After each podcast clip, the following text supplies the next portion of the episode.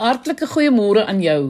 Efesiërs 6 vers 12 sê, want ons worstelstryd is nie teen vlees en bloed nie, maar teen die owerhede, teen die magte, teen die wêreldheersers van die duisternis van hierdie eeu, teen die bose geeste in die lig. Nou kyk die basis van die meeste van ons probleme lê daarin dat ons nie besef ons stryd is nie teen vlees en bloed nie. Dit wil sê nie teen mense nie. Jong, ek het tot die besef gekom dat teologie alleen nie genoeg is om 'n impakverskil in my en ander se lewens te maak nie. Maar dat in God se openbaring met dit saam nodig is, want sekere dinge sal nooit verstaan en verduidelik kan word sodat dit sin maak nie. Maar die God se openbaring bring vrede ten spyte van oënskynlike sinneloosheid. Kom ek verduidelik vir jou. Ons kan God nie deur teologie ken nie. Wanneer 'n mens teologiseer, wanneer jy teologie bedryf, dan werk jy van onder af, met ander woorde van die aarde af op boontoe. Dan kan jy by enige God uitkom. Jy kan by enige saligheid en enige verlosser uitkom. Jy kan as jy van onder af werk by reïnkarnasie uitkom. As jy van onder af werk, kan jy by 'n God uitkom wat anders lyk as die ware God. Die ware God word geken omdat hy homself aan ons geopenbaar het. Teologie werk van onder af.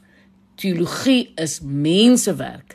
Teologie is wanneer ons as mense oor God praat en ons opinies en ons nadenke oor God uitspreek. Jy kry sistematiese teologie wat bedryf word deur geleerdes wat hoofsaaklik aan universiteite werk. Dan kry jy gewone teologie wanneer ons as gelowiges met mekaar praat. Maar dit bly nog altyd 'n poging van 'n mens hier van onder af om op te kyk en God te probeer verstaan met ons eie menslike nadenke. Maar openbaring is wanneer God uit die hoogte met ons praat. Geloof is nooit die resultaat van teologie nie.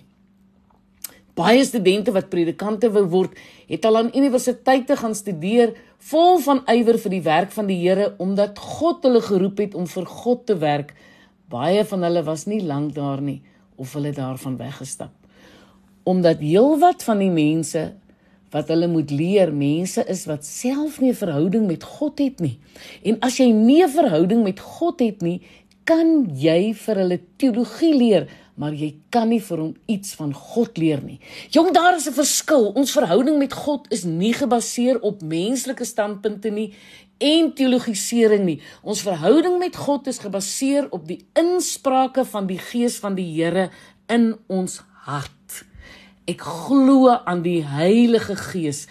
Ek glo dat die Gees van God in ons woon en dat die Heilige Gees met ons praat en dat hy die waarhede van God se woord aan ons verstand helder maak.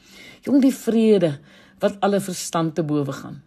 Want die Gees sê 1 Korintiërs 2 ondersoek alle dinge, ook die dieptes van God, want wie van die mense weet wat in die mens is behalwe die Gees van die mens wat in hom is? So weet ook niemand wat in God is nie. Dit is nou daai 1 Korintiërs 2 vers 10 en 11 behalwe die gees van God. So as jy iets van God wil leer, gaan dit nie baat dat jy teologiese werke bestudeer nie. Wanneer jy iets omtrent God se handeling wil leer, is dit goed, maar as jy die hart van God wil leer ken, moet jy met die Heilige Gees 'n pad stap. Eintlik behoort die mense poging teologisering en die gees van God mekaar te ontmoet sodat ons met vindingrykheid van ons denke en met die bevatlikheid van ons gees die twee mekaar kan laat bevrug sodat ons die beste vir die Here kan gee.